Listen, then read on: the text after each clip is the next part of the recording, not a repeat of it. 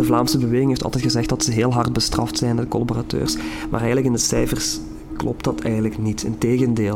Mensen geven ook niet graag toe dat ze iets niet weten. Je, je mag niet zomaar als reactie daarop zeggen van ja, kijk, die hebben gelogen. Nee, dat, dat, zijn, dat zijn psychologische processen die daar spelen. Hè. Met VNV heeft toch langer uh, meegedraaid dan Rex. Hè? Omdat uh, Rex, die, uh, die de Grel, die was, die, was, die kerel was knettergek. Die was gewoon gek. die de anderen waren ook gek hoor, daar gaat het niet over. Dat duidt toch wel op wat voor een dun laagje vernis die beschaving is. Je luistert naar deel 2 van Maria en Elisa, Partizanen in het Verzet. Een podcast van Radio Apache en Kevin Fransen. Ze waren met zes. Vier daarvan zijn aangeduid door de brigadeleider, dus door uh, Teunis. En Goffij heeft zich uh, vrijwillig aangemeld, dus dat zo, zo, waren ze met zes. En dan zijn ze naar Rijkoven getrokken. Uh, daar zijn die mensen uitgehaald, dus vader, moeder en, dochter. Dus de mensen moesten, werden naar een wei gebracht, werden op de knieën gezet, kregen tien minuten om te bidden. En dan, ehm, ja, ieder had iemand toegewezen gekregen. Dus ik denk Goffij, de, de vader, Jean of Jan. Uh, en dan Bruinings en Teunis, de moeder en de dochter. Ja, die mensen zijn in het hoofd of in de nek geschoten. Um, waarbij de vader zich zou hebben, bij de schoten zou hebben laten vallen, waardoor hij slechts een schaamschot heeft gehad. En die is voor dood blijven liggen. De mama was op slag dood en de dochter um, was in de keel geraakt met leeggebloed.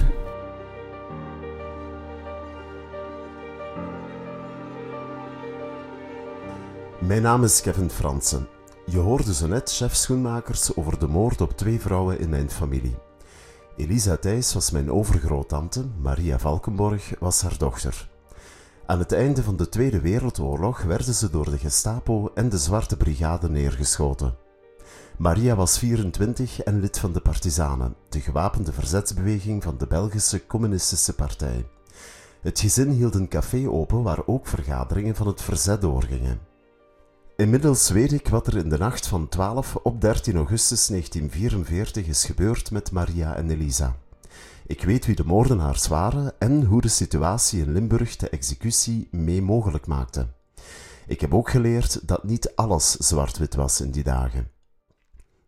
Niet al mijn vragen zijn beantwoord. Wat is er bijvoorbeeld met Jan, de vader van Maria, gebeurd? Hij zag zijn vrouw en dochter sterven, maar overleefde zelf de executie. Wat is er gebeurd met de daders? Wanneer zijn ze vrijgekomen en leven ze nog? En was Maria Valkenborg echt een dubbelspionne en lid van het VNV, zoals een familielid van haar vader suggereert? Veel familieleden, vrienden en kennissen die de zaak van dichtbij meemaakten, leven niet meer. Daarom was ik in mijn zoektocht aangewezen op getuigenissen uit tweede hand, of van mensen die nog kinderen waren in de jaren 40. Bijkomende moeilijkheid is dat niet iedereen wilde praten omdat het te pijnlijk is, omdat ze het niet meer weten, of omdat ze al te lang zwijgen om nu plots te beginnen praten. Een enkeling weigerde me te woord te staan omdat ik homo ben. Mensen geven ook niet graag toe dat ze iets niet weten. Je, je mag niet zomaar als reactie daarop zeggen van ja, kijk, die hebben gelogen. Nee, dat, dat, zijn, dat zijn psychologische processen die daar spelen. Er, er komen een aantal verhalen en dat wordt doorgegeven. En dat wordt een waarheid. En een waarheid. Als, als ze zeggen, van ik heb horen vertellen dat ze dat gedaan hebben, als je die, dat verhaal x jaren doorgeeft en een generatie doorgeeft, dan verdwijnt die nuance van ik heb horen vertellen, wat dat een onzekerheid is. En er schiet mhm. alleen over... Uh, ik heb horen zeggen dat hij hier in verschillende gevangenissen gezeten heeft. Hij heeft hier in gevangenissen gezeten. Ja, ik weet niet welke, dus nooit Breendonk of zoiets. En twee generaties verder is dat, mijn grootvader heeft in Breendonk gezeten. Ja. Is dat een... Nee, dat is geen leugen. Zo, zo werkt nu eenmaal de menselijke geest.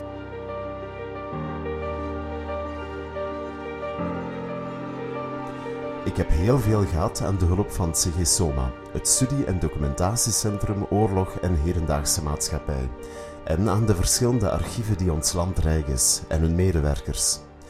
Een van hen is Ger de Prins, hij werkte als historicus en archivaris bij het Algemeen Rijksarchief op de dienst oorlogsslachtoffers. Hij heeft voor mij een lijst documenten opgevist waaruit blijkt dat Jan Valkenborg, de man van Elisa en de vader van Maria, hem na de oorlog wilde laten erkennen als politiek gevangene. Doet u eh, zelf veel inzages in dossiers? Ja, we proberen er toch altijd een aantal in te kijken omdat mensen met heel veel vragen naar hier komen en heel veel mensen weten niet waar ze eigenlijk terecht gaan komen. Ze weten niet wat ze kunnen vinden in die dossiers. Ze gaan soms heel concrete vragen stellen. Soms merk je dat ook al voor ze hier zijn, wat, wat mensen echt zoeken. En dan is het altijd interessant om op voorhand al even te kijken in die dossiers wat je kan vinden, want je vindt niet altijd uh, wat je zoekt. Er blijven altijd heel veel gaten in, in, in het verhaal. Uh, mensen zoeken wel iets, maar is dat antwoord er wel? Of ze denken dat ze iets helemaal anders gaan vinden. Dus we proberen toch altijd een beetje voorbereid te zijn op die zaken, ja. Zijn er veel vergelijkbare dossiers met vergelijkbare situaties? Er zijn verrassend veel mensen uh, omgekomen in mei 40 dan vooral en in de nadagen van de oorlog, augustus, september. Uh, bij de bevrijding natuurlijk. En dan ook nog natuurlijk uh, dieper in België in, in de maand december, wanneer het Ardennenoffensief nog één keer uh, opnieuw een heel stuk van het land gaat bezetten. En dan merk je inderdaad er toch wel relatief veel van dergelijke aanslagen gebeuren. Wat voor documentatie ga ik hier gaan terugvinden in het Rijksarchief? De dossiers die wij bewaren over deze twee personen, dat zijn de naoorlogse erkenningsdossiers als politiek gevangenen. Dus dat wil zeggen dat de familie na de oorlog een aanvraag heeft ingediend, einde jaren 40, begin jaren 50, om deze twee personen te laten erkennen, postuum, als politiek gevangenen. En in dit geval is het wel mogelijk, omdat het gaat om personen van wie men aanneemt dat ze bij het verzet waren. Dat blijkt ook, ze, zaten, ze hadden banden met het verzet. Maar ze zijn ook meegenomen door uh, collaborateurs.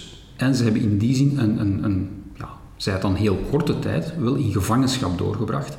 En in die zin is het een heel andere categorie een andere groep van slachtoffers dan bijvoorbeeld de uh, burgerlijke slachtoffers van, ik geef maar een voorbeeld, de, een, een V1-inslag of slachtoffers van een bombardement. Hm.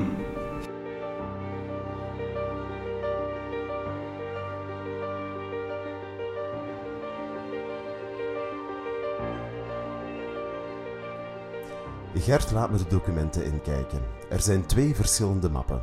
één voor Elisa en één voor Maria. Ik begin met de stapel van Elisa. Ik zie een document uit 46 van de burgemeester van Rijkhoven naar het ministerie van Binnenlandse Zaken. Hierin lees ik dat Maria en Elisa spionnen waren voor de partizanen en dat ze vermoord werden door de Gestapo. Er zit een brief in uit juni 1947 van Jan Valkenborg aan de dienst oorlogsslachtoffers. Het gaat over zijn uitkering. Hij heeft 27.000 frank getrokken als weduwnaar van Elisa en krijgt verder 2000 frank per maand voor zijn dochter. Maar van dat bedrag wordt telkens 1050 frank afgehouden, omdat hij de 27.000 frank moet terugbetalen. Hij vraagt in de brief of hij een gelijkaardige uitkering kan krijgen voor zijn vrouw, omdat ze, zo schrijft hij, allebei zijn gevallen voor het vaderland en actief waren in de ondergrondse beweging. Ik vind ook het aanvraagformulier van vader Jan om de twee te laten erkennen als politiek gevangenen. Voor het eerst zie ik zijn handschrift en er flitst door mijn hoofd hoe vreselijk het moet zijn om aan die administratieve romslomp te beginnen. Wel, in de eerste plaats moesten de politiek gevangenen, of toch de mensen die een aanspraak wilden maken op dat statuut, kunnen bewijzen dat zij voldeden aan de vereisten van de wet. En de wet was daarin heel duidelijk. Je moest een aanhouding hebben gekend van minstens 30 dagen, ofwel en of mishandeld zijn geweest en of terechtgesteld. Dus in de eerste plaats werd er gekeken in welke mate voldoet de aanvrager daaraan en is dat te bewijzen op basis van documenten. Daar worden bijkomende getuigenissen gezocht en dergelijke meer. Op basis daarvan gaat de staatscommissaris, toen bij het eh, ministerie van Oorlogsgetroffenen, een positief of een negatief advies uitbrengen, maar die keek ook naar de andere elementen die in de wet staan. Er staan niet alleen dingen in waaraan een uh, kandidaat moest voldoen, maar ook wat uitgesloten werd. En bijvoorbeeld iemand die vrijwillig voor Duitsland had gewerkt, iemand die betrokken was geweest bij de collaboratie, die werden uitgesloten. En natuurlijk indien die zaak, een dergelijke zaak, niet helemaal duidelijk is van in het begin, ja, dan wacht men nog op de resultaten van het onderzoek. In een aantal gevallen bestaat er ook een dossier bij het krijgsauditoraat. En er kan geen uitspraak gedaan worden binnen het dossier, bijvoorbeeld van politiek gevangenen, zolang de uitspraak van het krijgsauditoraat niet definitief is. Dus dat is, dat is een mogelijkheid waardoor een dossier een langere tijd kan stilliggen.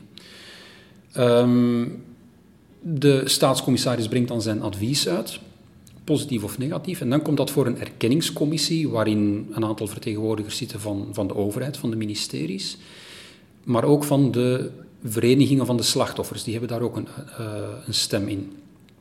Zij gaan dan een uitspraak maken of iemand erkend is, ja dan nee. Is een van de twee partijen daar niet mee akkoord, dan kunnen zij nog in beroep gaan. Dus dan gaat eigenlijk heel het proces opnieuw beginnen van uh, controle van, van, van de stukken die er zijn. Kunnen er nog bijkomende getuigenissen gevonden worden, enzovoort, enzovoort. Nu, niet vergeten dat op dat moment dat dat een enorme administratieve uh, machine is die op gang komt.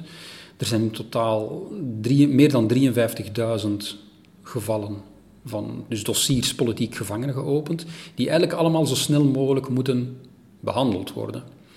Dus de, de vertraging die daarop zit is natuurlijk zeer uh, pijnlijk voor de, voor de betrokkenen.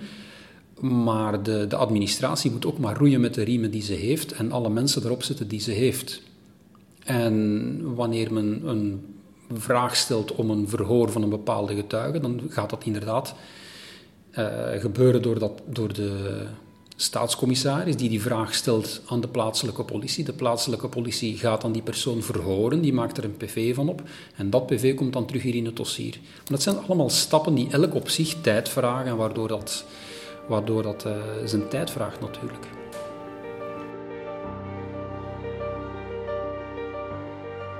Er zijn inderdaad verschillende statuten en natuurlijk, ja, het staat iedereen vrij om een aanvraag te doen in dat statuut en daarom is er natuurlijk ook een controle voor die dingen worden toegekend.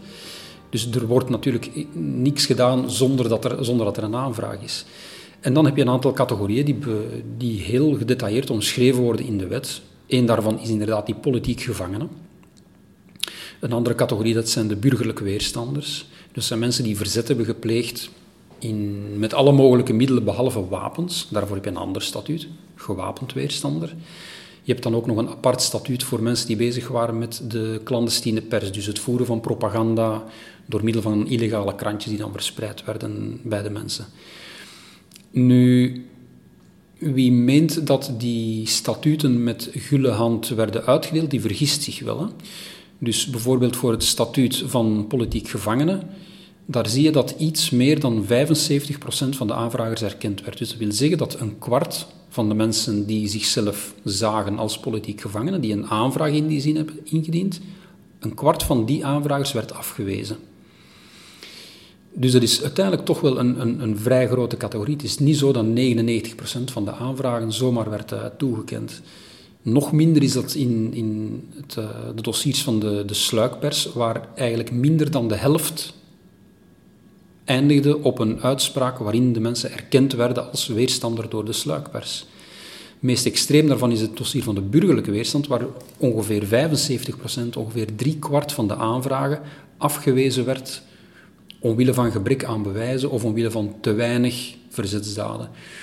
Dus dat wil zeggen, hoe de wetgever dat geformuleerd heeft in der tijd, daar kan je vandaag misschien een boompje over opzetten, in welke mate dat uh, gefundeerd was of anders zou moeten gebeurd hebben of wat dan ook.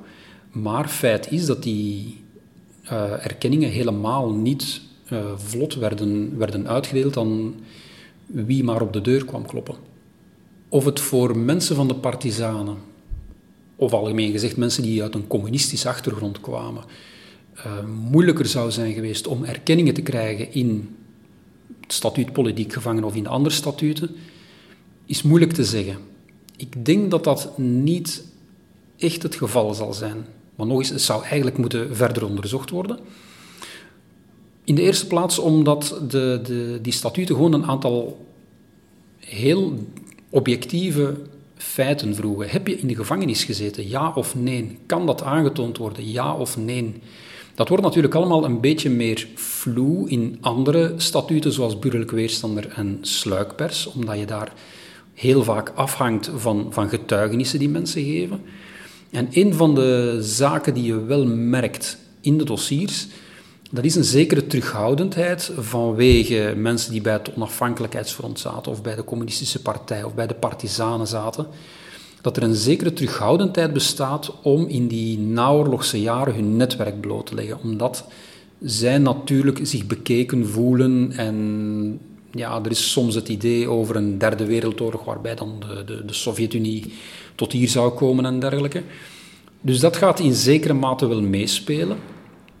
Een ander element wat kan hebben gespeeld is ook de, de, de achtergrond van de mensen die die statuten behandelden, waar je kan aannemen dat de, de, de mensen die, die staatscommissarissen, de, de, de mensen die het parlementaire werk verrichten, dat dat niet bepaald sociale klassen zijn waar heel veel sympathie zal zijn geweest voor die communistische partij.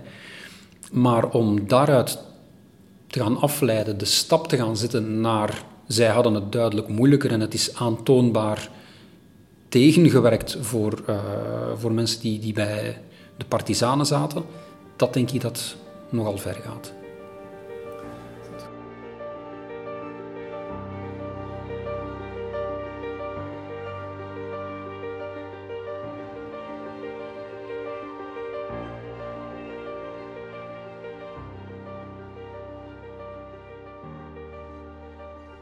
Dat men op de ministeries niet over één nacht ijs ging, zie je aan het opgevraagde bewijs van goed gedrag en zeden.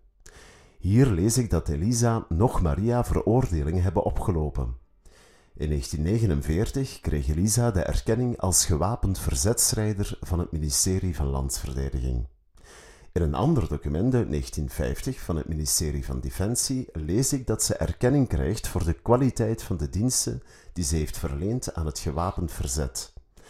De bundel eindigt met een document van goedkeuring voor het statuut politiek gevangene van Elisa. Nu start ik met de bundel van Maria. Die is heel dik. Omdat ik vernam dat geruchten de ronde deden dat zij een dubbelspionne was, ben ik zenuwachtig. Ik vind het spannend, maar ben toch ook een beetje bang voor wat ik te zien ga krijgen. Ik neem de dikke stapel vast. Hij start met een brief van de burgemeester, gedateerd 3 september 1945. Maria Valkenborg werd samen met haar moeder laffelijk vermoord door de Gestapo, wegens verklikking van deel uit te maken van spionage of weerstandsdiensten. Vervolgens een brief van het Belgische partisanenleger uit 46. Wij ondergetekende Stasse Gerard, recruteringsagent der partisanen, en Moors Gustaaf, inlichtingsagent der partisanen, verklaren hierbij dat Thijs Elisabeth en haar dochter Maria Valkenborg lid waren van een inlichtingendienst der partisanen toen moeder en dochter onder de ogen van de echtgenoot en vader werden doodgeschoten door Gestapo-beulen op 500 meter van hun woning. Veel documenten lijken op die van haar moeder. Weer zie ik het aanvraagformulier voor politiek gevangenen. Daarna zie ik een opmerkelijk document van het ministerie van Landsverdediging. De minister van Landsverdediging heeft de eer te laten weten dat hij bij besluit van zijn koninklijke hoogheid de prinsregent van 17 maart 1949 het ridderkruis geeft in de orde van Leopold II met de palm en toekenning van het oorlogskruis 1940 met de palm en de medaille van de weerstand. Als reden staat er... Toegewijd en moedig lid van het Belgisch leger der partisanen, verwezenlijkte tot volledige voldoening van haar overste al de opdrachten, hoe gevaarlijk ze ook waren, die haar toevertrouwd werden. Wegens haar vaderlandlievende bedrijvigheid aangehouden, werd de Rijkhoven op 13 augustus gefusilleerd. Op 18 mei 1948 erkent een zevenkoppige commissie van het ministerie van Wederopbouw Maria Valkenborg als politiek gevangene.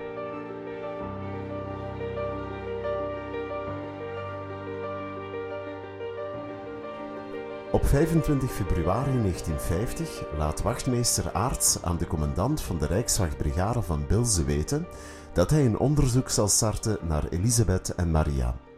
Hij schrijft: We hebben geen inlichtingen kunnen inwinnen nopens de oorzaak van het doodschieten van beide vernoemde vrouwen.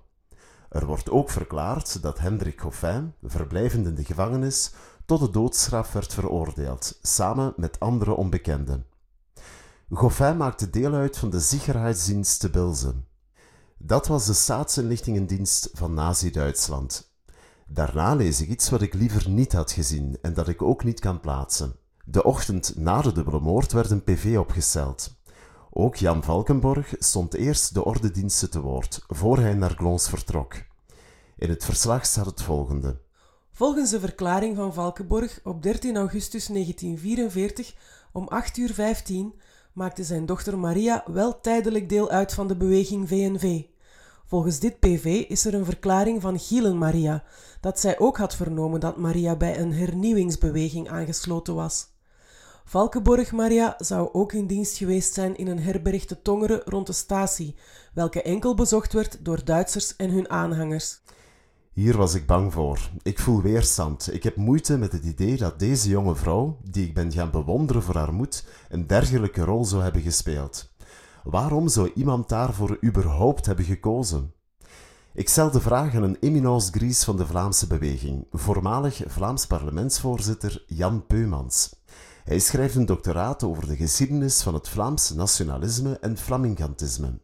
Het is een gemoedelijke babbel en Jan laat geen kans onbenut om erop te wijzen dat er veel slimmere mensen dan hij zijn, die veel meer weten over dit onderwerp. Hij legt uit wat de drijfveer was van sommige mensen om zich bij het VNV aan te sluiten. Het was een pragmatische keuze volgens hem. Maar je moet natuurlijk zo zien, eh, het VNV is opgericht in 1933 eh, en de, de man die daar het meeste en alles het beste van kent is natuurlijk Bruno, professor Bruno de Wever, wat hij zijn doctoraat over gemaakt. Het is een joekel van, van 800, 900 bladzijden, waarin je heel de geschiedenis van het VNV ziet. Eigenlijk oorspronkelijk was het VNV, eh, toen het VNV opgericht werd, moet je natuurlijk kijken naar de tijdsgeest van de jaren 30 dat was, uh, dat was steeds meer neiging tot coöperatisme. Dat was steeds meer tegen het liberale. Dat was steeds meer tegen het parlementaire systeem. Dat was voor een autoritair model. Dat was voor uh, veel, uh, moet zeggen, veel optochten, veel uniformen, noem maar op allemaal. Dat zat niet alleen bij het VNV, dat zat natuurlijk ook bij, uh, dat zat bij het Rex, maar dat zat ook, niet te vergeten, ook bij een aantal, wat toen de katholieke partij was hè, voor de oorlog. Om je een voorbeeld te geven, op een bepaald moment, of nee, je ziet bijvoorbeeld in 32, maar ook in de verkiezingen, gemeenteraadsverkiezingen van 38, zie je namelijk concentratielijsten. En wat waren concentratielijsten? Dat was het VNV, in veel mindere mate het Rex, want Rex was vooral een, uh, vooral een, een Waalse aangelegenheid. Maar daar zag je ook conservatieve katholieken. En om je toch een voorbeeld te geven, vader IJskes bijvoorbeeld is een van de mannen geweest die in de tijd gesprekken gevoerd heeft in de jaren 36 om dus tot, tot, die concentratie over te gaan. Dus wat dat betreft was dat niet alleen eigen aan het VNV en aan, het, aan Rex, hè? terwijl Rex heel duidelijk Belgicistisch was, terwijl het VNV duidelijk anti-Belgisch was. Daar moet je natuurlijk ook de voorgeschiedenis voor kennen. Maar uh, conservatieve katholieken dat, uh, die waren wat dat betreft, die hingen ook die, die, die denkbeelden aan. Hè. Natuurlijk, er is een heel groot verschil over uh, uiterst rechts denken en fascistisch denken. Hè. Want daar is natuurlijk, ja, wat, wat, wat, wat, want, wat, wat, is eigenlijk, wat is, dan, wat is dan fascisme? Er wordt al vlug geroepen, oh, dat zijn fascisten. Maar uh, fascisten wil zeggen dat je tegen het parlementair systeem bent, je bent voor een autoritaire leider, je bent voor het corporatisme, gewenste afschaffing van het, uh, van het parlement, noem maar op allemaal. Allee, ik geef nu een paar, uh, een paar kenmerken van dat, van, dat, van, dat, van dat fascisme. En dat is natuurlijk, ik moet zeggen, ik heb dat nog, eh, ik heb nu van mijn kinderen weer een boek gekregen over het fascisme in Zuid-Limburg, maar Nederlands Zuid-Limburg. Daar zag je eigenlijk tussen, eh, in het interbellum, tussen de dingen, zie je dus eigenlijk vanaf de jaren 30, crisis, banken die over kop gaan, uh, zelfstandigen die een brood niet meer verdienen, de grootwarenhuizen die opkomen, noem maar op allemaal. Daar zie je op een bepaald moment dat, dat daar een overgang is naar dat mensen zeggen, kijk, we moeten een autoritaire leider hebben en dan kijken ze op naar Hitler die in de jaren, begin jaren 30 opkomt. Hè, die uh, toch niet moeten vergeten, dat is gewoon een pilot geweest hè, de Eerste Wereldoorlog. Hè. Die, dan, die zie je dan opkomen, je ziet Mussolini opkomen, maar je ziet natuurlijk al die autoritaire gedachten, die zie je niet alleen in die twee landen, zie je ook in een aantal andere landen dat dat naar boven komt. En natuurlijk ook hier in, uh, in, in Vlaanderen. Wat je natuurlijk in Vlaanderen wel met het VNV natuurlijk wel had, die hadden eigenlijk vooral de bedoeling om, uitgaande van het feit, en dat was in het begin van de Tweede Wereldoorlog, uitgaande van het feit dat die Duitsers hier toch definitief zouden blijven. Kijk ook maar naar de rol van Leopold III, die daar ook een oerconservatieve club rond had hangen, die, die zeiden van, ah, maar kijk, die Duitsers gaan hier blijven, we moeten zorgen dat, we, hè, dat België in zijn geheel blijft bestaan, en dat we toch zorgen dat wij onder dat Duits gezag op een of andere manier toch nog altijd een eigen staat kunnen vormen, enzovoort, enzovoort, enzovoort. Dat soort verhalen kent je wel. En dan zie je eigenlijk uh, op een bepaald moment zie je dat eigenlijk evolueren, dat VNV zie je dan heel duidelijk evolueren naar, ja, je, je hebt dan nog richting de groot-Dietse gedachte. Hè? Dat was bijvoorbeeld uh, hè? die opgericht door Joris van Severen die, die trouwens een oer, oer-katholiek was en een oer-conservatieve katholiek was, maar die heel duidelijk dat autoritaire systeem aanhing. In het VNV had je daar toch wel verschillende tendensen, maar de klerk zichzelf uh, ja, steeds belangrijker vinden enzovoort. Dat is de grote, de grote leider. Hè, van, uh, die gingen dan eens even matselen met de Duitsers. Maar eigenlijk hebben de Duitsers hun met een puntje, puntje, puntje gerammeld. Als je puntje bij paaltje komt.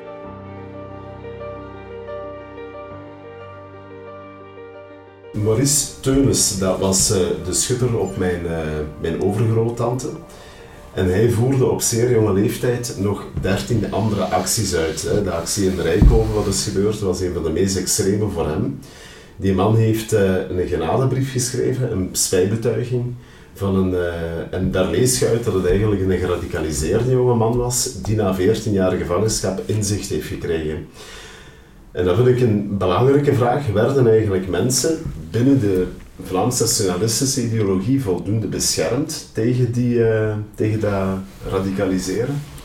Nu, Want, het, het, eerste punt is natuurlijk, uh, voor, voor, de oorlog, je moet natuurlijk het tijdsbeeld van die, de tijdsgeeld, het tijdsbeeld, het maatschappelijk denken van die tijd moet je natuurlijk wel bekijken. Dat was dus een, uh, allez, je moet zeggen, een open doel voor mensen die het, uh, moet ik zeggen, die, dat, ja, die uiterst rechte, zelfs fascistische denkbeelden, die die aanhingen. Hè? Mhm. Dat is één. Twee, die mensen die dat aanhingen, ja, die waren, en dat waren vooral de intellectuelen die tijd, en daar moet je je ook niet te veel van voorstellen, hè, van intellectuelen. Dat waren wel intellectuelen, maar de veel mensen waren toch, alleen, en zeker in het systeem uh, van Limburg, Limburg werd eigenlijk altijd bestuurd door de, door de katholieken, en uh, je zult zien, ook na de oorlog zullen diezelfde katholieken, die zullen een hele hoop van die collaborateurs in de armen sluiten. En waarom? Omdat ze zeggen, kijk, die familieleden daarvan, als wij dat doen, die familie die stemmen op ons, en zo kunnen wij de meerderheid houden in Limburg, en zo houden wij de Vlaamse nationalisten houden wij weg uit Limburg. Dat is trouwens het onderwerp van mijn, uh, van mijn doctoraat. Dus dat is twee. Dan zie je eigenlijk, ah, eigenlijk, zie je wel een, uh, eigenlijk zie je wel een evolutie in die zin. Dat zie je trouwens ook in, het, uh, in de geschiedenis van het VNV van, van Bruno de Wever. In het begin heeft dat VNV, allee, die Duitsers, en die, die, die het zijn ook smeerlappen, hè, laten we daar geen, geen dingen over staan. Maar die, ja, er zijn heel veel mensen die voelen zich toch aangesproken door die Duitsers. En dat slaat pas om in, denk ik, in 42 gaat dat pas omslaan. Want voor 42 zeggen de mensen, haha, maar nu, hè, de Duitsers, en jongens, kom, we gaan niet ozel doen. Wij, we, gaan die, we gaan die gedogen. En heel veel mensen zeggen natuurlijk van, ah, we voelen ons daardoor aangetrokken, dus wij worden aanhanger van die club. En wie, door wie wordt dat meest, werd dat meest verpersoonlijkt in, in Vlaanderen? In Wallonië was dat rechts, maar rechts is uh, zo gegaan. Het VNV is natuurlijk ook zo gegaan, maar het VNV heeft toch langer uh, meegedraaid dan Rex. Hè, omdat uh, Rex, die, die de Graal, die was, die, was, die kerel was knettergek. Die was gewoon gek. die de anderen waren ook gek, hoor, daar gaat het niet over. Maar ik wil maar zeggen, in het begin van de oorlog, de eerste twee jaren, de Duitsers, ja, die, dat is duidelijk, dat is een sterk leger, die gaan hier blijven en het is gedaan met ons en we zullen ja, een of ander staatje worden binnen een grotere Duitse, binnen een groter Duitse verband. Mhm. En dan zie je dat die een oorlog omslaat. Hè. Heeft ook te maken met het feit het anti-aanvalspact tussen Rusland en Duitsland, hè, dat hij in, in, in Rusland binnenvalt. Het hele Oostfrontverhaal, je kent dat. Niet alleen pastoors, maar ook onderwijzers hebben het allemaal niet ons over doen. Die zeiden van, hè, we moeten tegen het bolsjewisme vechten, tegen het communisme vechten. Hup, neem de wapens. Ja, dat waren gasten van 17, 18 jaar. Hè. Ik weet niet of je die boeken nooit gezien hebt. Kent je de boeken van Jos Finks? Die kent je. Ja, dat, je, dat is, dat is, je kunt je dat eigenlijk niet voorstellen. Mensen werden gewoon, eh, ja, die werden gewoon gebrainwashed in de zin van... Je moet wapens opnemen tegen, tegen die bolsjevisten, want wij, de, hier, het, het, het, het, het katholieke vaderland, uh, wordt uh, overstelpt dan door, enzovoort, enzovoort, enzovoort. Dus dat, dat, uh, dat heel verhaal. Want je ziet eigenlijk ook na de oorlog, die communisten zitten in het begin nog in die regering. En dan krijg je die Koude Oorlog. Hè, en dan, ja, dan zegt iedereen van, we moeten van die communisten niks meer hebben. Ja, nu zijn ze weer terug, hè, via de P van de A. Hè. We zijn andere communisten, maar goed. Nee, maar versta je? Dus die, die evolutie ziet heel duidelijk ook na 42. Dan slaat dat natuurlijk om. En dus krijg je ook meer verzet tegen. En dan beginnen al die, ja, dan begint een stuk burgeroorlog hier in Limburg. Hm. Wat eigenlijk uitgebreid beschreven is geworden door Jos Boeveroe. Maar een man gelijk de Vries van het, uh, van het verzet van Welle, die man is nu dood, die zegt, ja, die zegt, ja, wat de Boeveroe is allemaal niet waar. Maar ja, wat is de waarheid? Ik heb altijd van alle oorlogsfilms die ik ooit gezien heb, heb ik eigenlijk altijd geleerd dat dat een, uh, een grijs verhaal is. Hè? Want mensen, zien een bepaald, mensen zijn altijd graag bij de machthebbers. Hè? En van het dat je geen machthebber meer bent, ik spreek nu als, als, als, uh, als burgemeester, geweest zijnde in Schepen, hè, er is niemand die nog naar mij omkijkt. Mensen zijn vriendelijk tegen mij, daar gaat het niet over. Maar die zeggen, ja, die heeft toch niks meer te zeggen nu. Ja, dus is voor ons niet interessant. Wie is nu aan de macht? Nu dan gaan we naar die. Eigenlijk wat in de klein gebeurt, is eigenlijk in het groot ook gebeurd. Alleen die denkbeelden die me toen aanhing, die waren, die waren, alleen die waren crazy. Dat was gewoon... Maar ik denk dat de, ah, de evolutie is, denk ik, op die manier, op die manier is die, uh, die evolutie gegaan. En dan krijg je natuurlijk, uh, ja, verzet is altijd actief geweest, maar goed ook. Maar dan krijg je ook persoonlijke afrekeningen, banditisme. Want uh, allee, je moet niet doen alsof al diegenen die in het verzet zaten, dat het allemaal, uh, dat het allemaal heiligen waren. Hè? Er waren mensen bij die het echt uit overtuiging deden, daar heb ik ook veel respect voor. Maar er waren ook mensen bij die dat deden van te zeggen van, ah meneer Frans, met u hebben we nog een eitje te pellen. Hè? En als ik u kan neerleggen, leg ik u neer. Zo, op die ja. manier. Sta je? En uh, ja, goed, uh, wat natuurlijk ook jaloezie, uh, want zo iemand van het VNV die een functie had, die werd ervoor betaald en die, was dan, die had dan een beter, ja, een beter inkomen, een jaloezie, waarom die wel en ik niet en zo. Je kent dat soort dingen allemaal. Maar als je ziet wie soms, als je ziet wie soms in een functie door het VNV in de Tweede Wereldoorlog benoemd werd, daar waren dus volgens mij bij er ook geen verstand van hadden. Ja, maar dat, waren, dat was dikwijls ook een stuk opportunisme, hè, zo om te zeggen van, ja, ik ben VNV'er.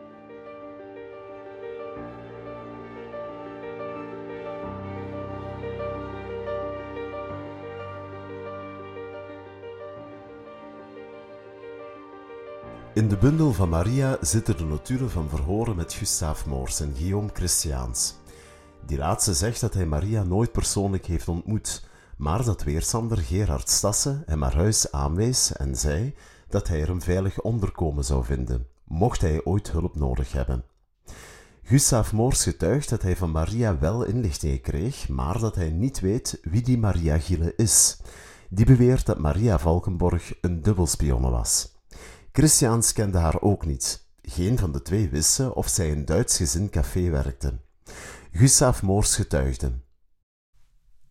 Ik heb Maria gekend gehad. Tijdens de bezetting kwam ik tweemaal per week met haar in haar café te Rijkhoven. Als partizanenlid ben ik zo, van begin 44 tot ze doodgeschoten werd, tweemaal per week blijven bij haar aanlopen. De dag zelf van haar moord had ik om negen uur s morgens nog moeten bij haar gaan. Ik heb nooit geweten gehad dat ze ingeschreven weerstandslid was. Ik veronderstelde nogthans dat ze een goede weerstandster was en daarmee nam ik ze in vertrouwen. Ik ging met haar om ten einde inlichtingen over Incivieke te winnen. Zij heeft me ingelicht gehad over de gedragingen van Goffin Hendrik van Rijkhoven, gewezen Sicherheidsdienstlid, en over nog andere personen van Rijkhoven en omtrek, wier namen me thans niet meer in het geheugen komen. Ik wist niet of Maria sympathiserend of bespiedend lid van de VNV was. Het is me niet bekend dat Maria ooit in het café van het stationskwartier al hier zou gediend hebben. Ik heb nooit ergens anders dan in haar café te Rijkhoven met haar onderhandeld. Ik heb nooit opdracht gegeven gehad aan Maria van Incivieke te bespieden. Evenmin heb ik haar de raad gegeven van zich bij het VNV te laten inlijven om des te beter deze beweging te kunnen bespieden. In 1950 kreeg Maria de herinneringsmedaille van de oorlog 4045. Het archiefstuk vermeldt verder dat Maria volgens een indexkaart van herbergiermeiden van de stad Tongeren wel degelijk werkte in Café de Saveur, dat Duitsgezind was. Ik ben een beetje gerustgesteld, maar zekerheid over haar positie heb ik dus nog altijd niet. Zo namen mensen bijvoorbeeld in de laatste dagen van de oorlog, toen het tijd duidelijk aan het keren was, nog snel een lidmaatschap van weerstandsorganisaties. En de naoorlogse afrekeningen waren niet van de lucht. Ook in het dossier van Maria en Elisa spreken zowel de ene als de andere kant van een gerechtelijke dwaling. Ik vraag aan Timmy van Diepen, historicus gespecialiseerd in de periode van de Tweede Wereldoorlog in Limburg, waarom beide partijen zich onredelijk behandeld voelden. Ja, al in de oorlog um, zei het VNV in, Limburg uh, heel nadrukkelijk um, dat ze eigenlijk weinig vertrouwen hadden in de Belgische justitie. En dat had eigenlijk uh, verschillende oorzaken, maar de belangrijkste was dat die uh, aanslagen die gepleegd werden tegen collaborateurs, dat er eigenlijk vanuit het gerecht weinig uh, reactie op kwam. Er werden heel weinig daders effectief opgepakt. Nu, dat was ook heel moeilijk uh, om effectief mensen te vinden. Als iemand op straat iemand neerschiet, ja, er zijn geen sporen, begin maar te zoeken. En een speld in een hooiberg. Maar anderzijds, natuurlijk, naarmate de oorlog vordert, zie je dat het gerecht steeds um, ja, terughoudender wordt om ook effectief op zoek te gaan naar die daders. Want het gerecht weet ook natuurlijk dat zij, als ze die daders vinden, mogelijk verzetsorganisaties blootleggen waardoor de Duitsers natuurlijk uh, ja, ook de hand daarop kunnen leggen. En een van de belangrijkste punten is eigenlijk, volgens mij, dat die straffen, en daar heeft het gerecht eigenlijk uh, heel bewust ook uh, ja, een probleem van gemaakt, en dus dat de straffen voor wapenbezit, voor de oorlog in België was dat één jaar cel, hè, maximum. De Duitsers die dan België bezetten, die zeggen van nee, wapenbezit is eigenlijk voor ons de doodstraf, potentieel.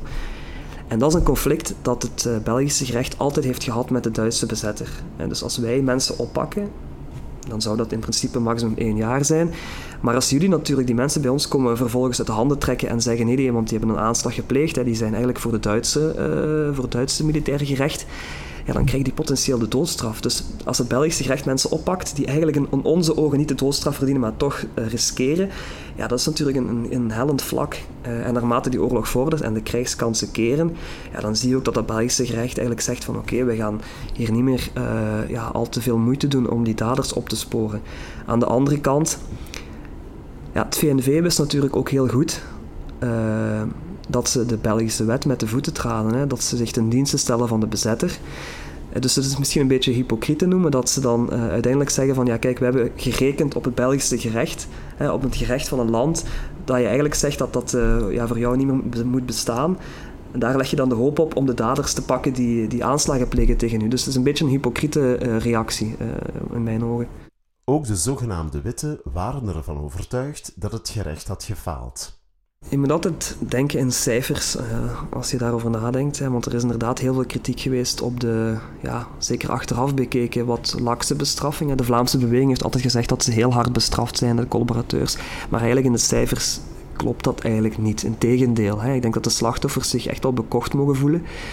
Uh, achteraf bekeken met, met, met de straffen ja, die de daders kregen. Eind jaren 40 zit er eigenlijk bijna niemand meer in de cel, nog geen 5% dacht ik.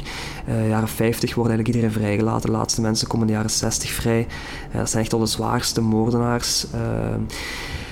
dus ja, die, ehm, dat Belgische gerecht heeft eigenlijk gewoon geredeneerd we hebben hier 400.000 dossiers die na de oorlog geopen, geopend werden tegen 100.000 mensen. Er zijn uiteindelijk een 60.000 tal mensen, dacht ik, uh, effectief ook veroordeeld voor, uh, voor collaboratie.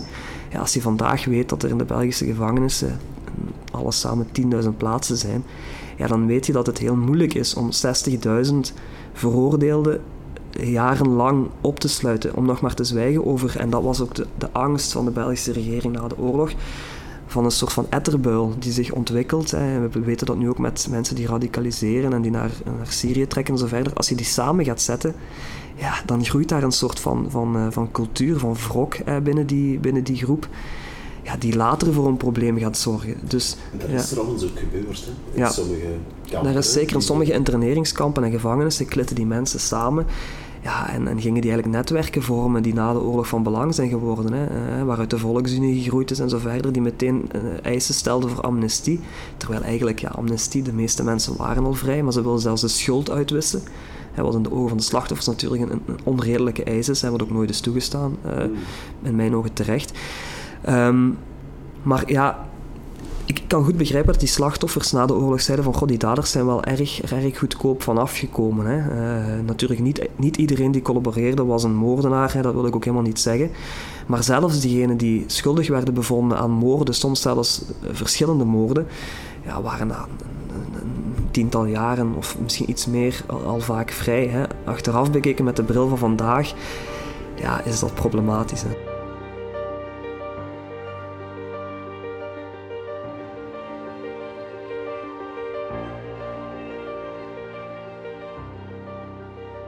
Maria en Elisa kregen een straat in Rijkhoven, een eer die lang niet alle verzetsrijders te beurt valt. Er zijn er alleszins veel minder dan pakweg Cyril Verschavenstraten, terwijl Verschaven toch collaboreerde met de nazi's.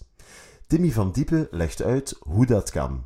Dat heeft alles te maken natuurlijk met die, uh, die verweving tussen de collaboratie en de Vlaamse beweging. Dat is iets wat heel weinig mensen zich rekenschap van geven, maar de collaboratie in andere landen stond eigenlijk los van de maatschappij. Als je kijkt naar de NSB in Nederland, is het vandaag heel gemakkelijk om te zeggen, ja, dat waren NSB'ers. daar hadden wij als goede Nederlanders niks mee te maken. Maar in Vlaanderen, zeker in Vlaanderen, ook in Wallonië, klein beetje, maar in Vlaanderen was die verweving met die Vlaamse beweging. Hè, die eigenlijk de eisen van voor de oorlog voor een uh, vernederlandsing van de, van de Vlaamse maatschappij, uh, die eigenlijk die eisen aan de Duitse wagon, van de Duitse locomotief va vastkoppelde en eigenlijk via die weg wilde krijgen wat ze van de Belgische staat niet wilden krijgen, of niet konden krijgen. Ja, en dat is na de oorlog natuurlijk gebleven. Hè. Die collaboratie, die Vlaamse beweging, dat, dat zat door elkaar. En um, ja, achteraf is dan, is dan gezegd, ja, door die bestraffing van, van die collaborateurs heeft men eigenlijk de Vlaamse beweging willen uitschakelen na de oorlog. En die Vlaamse beweging willen doodmaken. België heeft die Vlamingen en monddood willen maken. Uh, wat uiteraard niet klopt, want die uh, bestraffing van de collaboratie in Wallonië was uh, achteraf bekeken, zo heeft recent onderzoek uitgewezen, nog harder dan in Vlaanderen, als we naar de strafmaat kijken. Um, maar ja, dat heeft natuurlijk wel een cultuur gecreëerd van hè, we, zijn, we zijn eigenlijk tekort gedaan na de oorlog hè, door België en we gaan hè, dan maar een partij oprichten voor onszelf, de Volksunie, waaruit later de NVA, maar ook dan nog later uh, ja, uit malcontenten die dat zelfs niet radicaal genoeg vonden, hè, het Vlaams Blok is ontstaan. En in de jaren 50, 60 is het eigenlijk heel normaal in Vlaanderen om te zeggen van die collaboratie van kijk, we hebben het toch allemaal voor Vlaanderen gedaan. Uh, ja, dat fascisme, ja, dat, dat zat er wel bij, maar eigenlijk was dat voor ons niet zo belangrijk. En we wilden het eigenlijk voor Vlaanderen doen. We waren goede uh, Vlamingen die gingen strijden voor een onafhankelijke uh, staat en voor wat ons toekwam. En dat hele riedeltje is eigenlijk jarenlang, decennia lang, tot begin jaren 90, midden jaren 90, was dat gewoon in Vlaanderen de normaalste zaak van de wereld. Daar werd weinig tegenin gegaan. Hè. Je hebt Maurice de Wilde, midden jaren tachtig, die daar eigenlijk wat de eerste uh, barsten in aanbrengt in dat beeld. Maar dat blijft duren.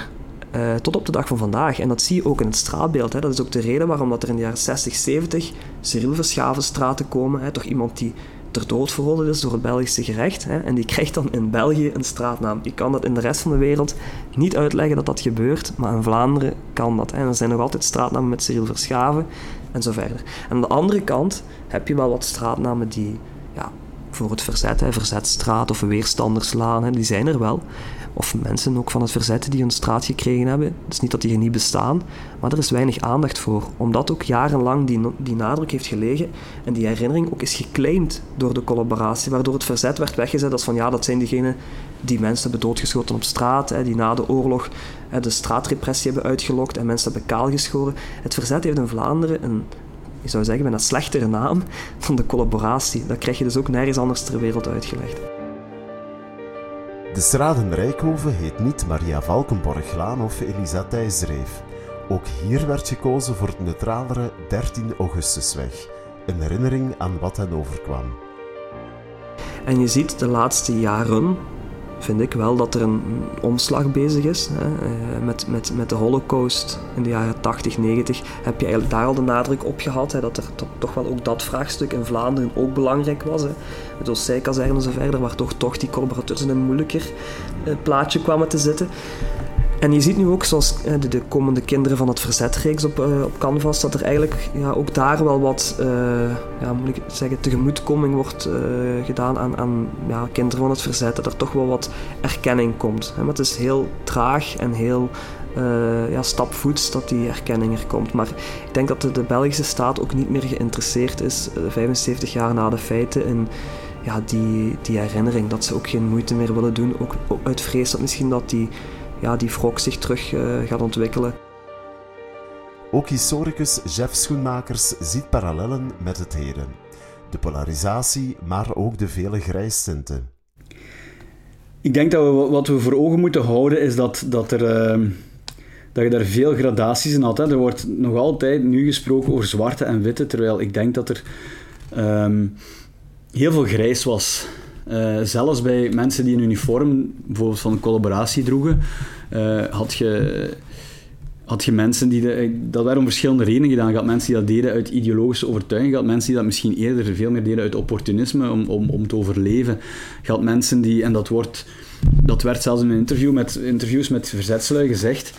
Uh, ook zwarten die op zich wel oké waren, want ze wisten dan wel van ja, de dien of een dien is misschien wel bij het verzet, maar die lieten ze met rust. Gewoon omdat... Ik denk dat, ik denk dat je niet moet onderschatten wat... Uh, wat, wat uh, onderliggende banden in zo'n gemeenschap nog, in zo'n kleine gemeenschappen nog betekenden. En als die goed waren, kan ik me voorstellen dat er een oogje werd dichtgeknepen. Als die slecht waren door ruzies, fetes of zo, dat dat werd uitvergroot. Dus hoe werd er naar zwarte gekeken is, of naar collaborateurs gekeken is, is een, eh, is een moeilijke. Dat, dat, ik denk naar zware gevallen zoals, zoals een Goffin of zo'n Hansen, ja, als jij je eigen bevolking... Uh, als je je daar heel hard tegen opstelt en, en gebruik maakt van de positie die je hebt om je, om je zeer uh, ruw en, en, en hard en, en onmenselijk te gedragen, dan, dan gaat je uiteraard niet populair zijn als jij uh, daarentegen dat, ja, daar menselijker in zijn, zal dat anders zijn. Het zal ook afhangen wie naar u kijkt. Hè. Mede-collaborateurs of mede-Vlaamsgezinden zullen u, zullen u positief bejegenen. Uh, andere mensen zullen nu onverschillig bejegenen en, en verzetslui en, en partizanen zullen nu gewoon uh, de, de baarlijke duivel vinden en zullen nu gewoon willen neerschieten. Dus ik denk dat dat een beetje afhangt van, van waar je kijkt en ook van de eigen opstelling van de mensen. Er waren, er waren daar, zoals ik zeg, ja, 50 tinten grijs en wit en zwart. Allerlaatste vraag. Wat zou jij hieruit leren? Uit zo'n situatie, wat er toen voorviel, wat, wat moeten we onthouden? Wat is voor u een wijze les geweest toen jij daar klaar mee waart? Van wat uw maatschappijbeeld, wat, is dat veranderd? Is dat... Ja, ik denk, wat ik daaruit geleerd heb, is dat, dat, uh, dat iedereen in staat is tot verschrikkelijke dingen en iedereen in staat is tot, tot, uh, tot prachtige dingen in, als je maar in een bepaalde context geduwd wordt.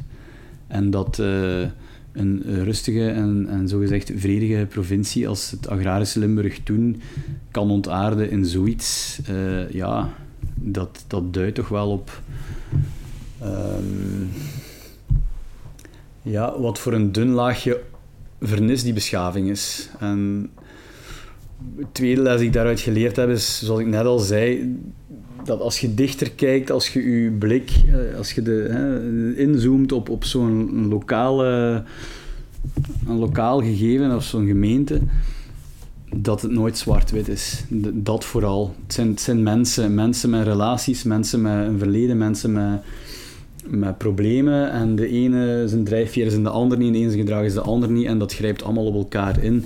En dat binnen de context van heel zware ideologische tegenstellingen, van, van, van ontberingen, van ja, een, een repressief bestuur. Dat is een cocktail waaruit je dan zo'n dingen krijgt. De daders van de moord op mijn familieleden werden uiteindelijk wel opgepakt. Van de bende van zes was Goffin, voor zover ik kon nagaan, het langste op de vlucht. Hij werd in 1945 gearresteerd en berecht. In een interview met Eugène Van Ees in het Belang van Limburg uit 2001 zegt de Limburgse oud-weerstander dat Goffin uiteindelijk zeven jaar heeft gezeten en daarna een café is begonnen in Genk. Dat klopt niet helemaal. Uit de documenten blijkt dat hij en Maurice Steunis allebei oorspronkelijk werden veroordeeld tot de doodstraf. Die straf is na enkele jaren omgezet in levenslang. In het oude Rijkswachtdossier dat ik bij Maurice Thijssen kon inkijken, vond ik genadebrieven terug van Goffin. Hij vindt zelf dat hij een zware straf verdiende omdat het de enige manier is om een beter leven te kunnen beginnen. Hij geeft aan vrij te willen komen om voor zijn ouders te kunnen zorgen.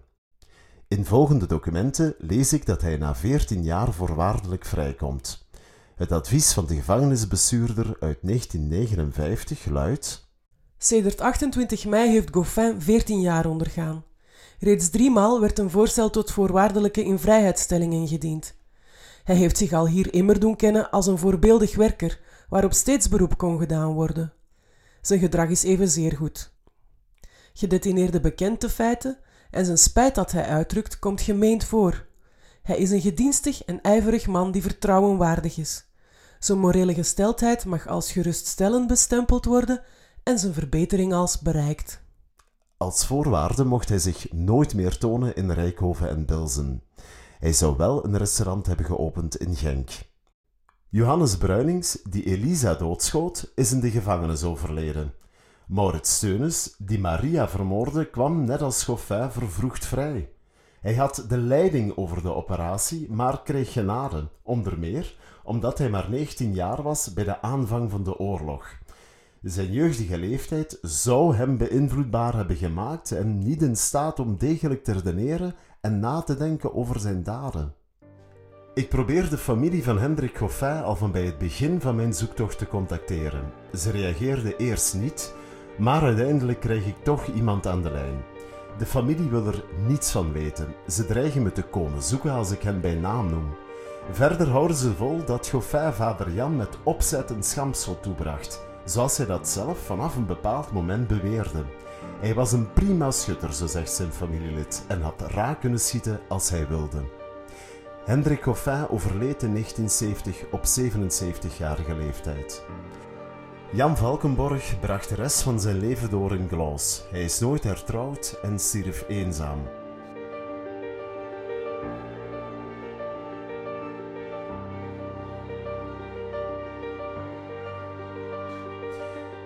Ik ontvang een mail van ADVN, het Archief voor het Vlaams Nationalisme. In de mail staat het volgende. Beste, ik ontving je bericht langs collega Luc Bouva. Helaas vind ik geen spoor van de naam Anna-Maria Valkenborg in onze bestanden terug. Ik kan je dan ook niets bevestigen omtrent haar lidmaatschap van het VNV. Ik ben opgelucht. Maria werkte dus wel in het Duitsgezinde Tongerse café, maar er is geen spoor terug te vinden van haar vermeende lidmaatschap van het VNV. Het meest waarschijnlijk is dat ze er als spion diende, om gegevens te verstrekken voor het verzet. In september 1944, een maand na de dood van Elisa en Maria, werd Limburg bevrijd. Eerst Maastricht, net over de grens in Nederland, en daarna de rest. Met de Dardenne-offensief van half december 1944 tot eind januari 1945 ondernam Hitler nog een laatste poging tot herovering van het Belgische grondgebied. De bloedige strijd eiste 200 Britse en bijna 77.000 Amerikaanse levens. Ook aan Duitse kant vielen duizenden doden. Omdat de Duitsers hun laatste reserves hadden ingezet, hadden de Sovjets vrij spel vanuit het oosten en niet veel later stonden ze in Berlijn. Op 30 april 1945 maakte Hitler ook aan zijn eigen leven een einde. Acht dagen later capituleerde Duitsland.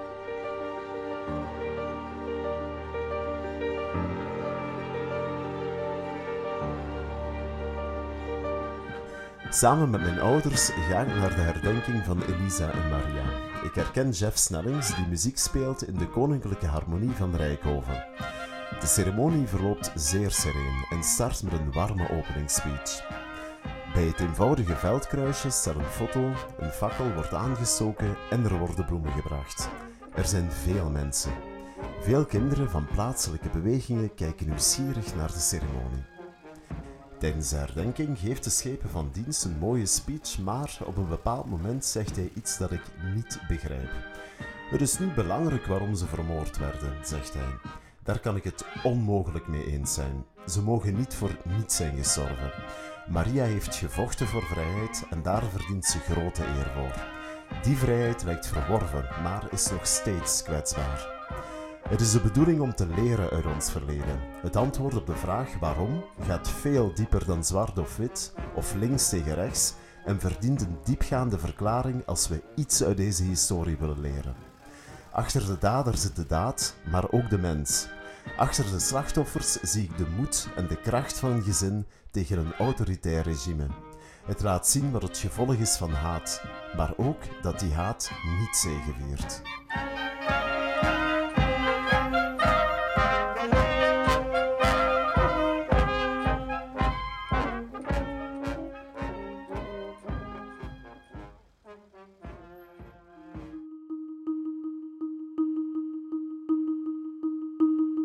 Dit was Maria en Elisa, partisanen in het verzet. Een podcast van Radio Apache en Kevin Fransen. Met dank aan het team van Stamp Media. De muziek kwam van Lee Roseveer, Klaus Hergersheimer en de Koninklijke Harmonie Sint-Isidorus Rijkhoven. Apache biedt je deze podcast gratis aan, maar wij kunnen hem niet gratis maken. Surf naar apache.be slash wordlid en steun onze onderzoeksjournalistiek.